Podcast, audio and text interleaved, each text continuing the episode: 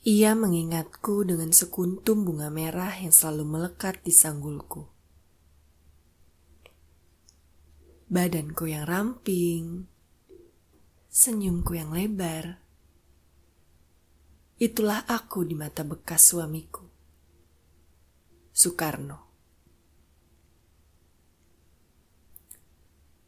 Mungkin aku sedikit berlebih atau barangkali itu cuma hayalan bagaimana aku diingat suamiku dulu.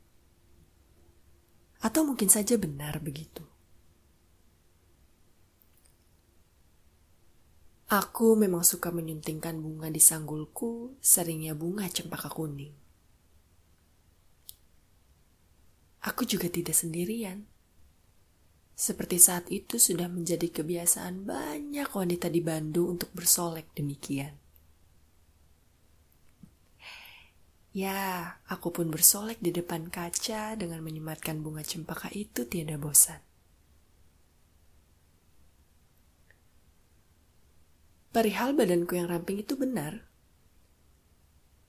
Aku tidak pernah mempunyai badan yang berat.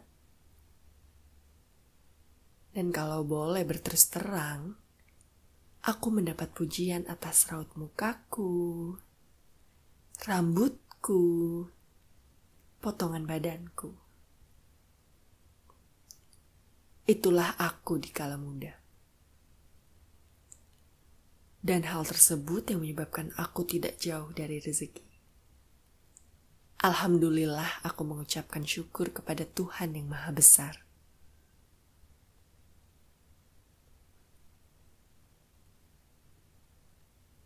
Dan sekarang cerita pengalamanku dengan dirinya. Seseorang yang mementingkan membangkitkan semangat dan solidaritas bangsa. Tapi di balik itu, ia pun adalah orang yang sangat penuh romantika. Aku melayaninya, mengikutinya, mengemongnya, dan selalu berusaha keras menyenangkannya. Namun, pada suatu saat setelah aku mengantarnya sampai apa yang ia cita-citakan, berpisahlah kami karena aku berpegang pada sesuatu yang berbenturan dengan keinginannya. Ia pun melanjutkan perjuangan seperti apa yang tetap aku doakan.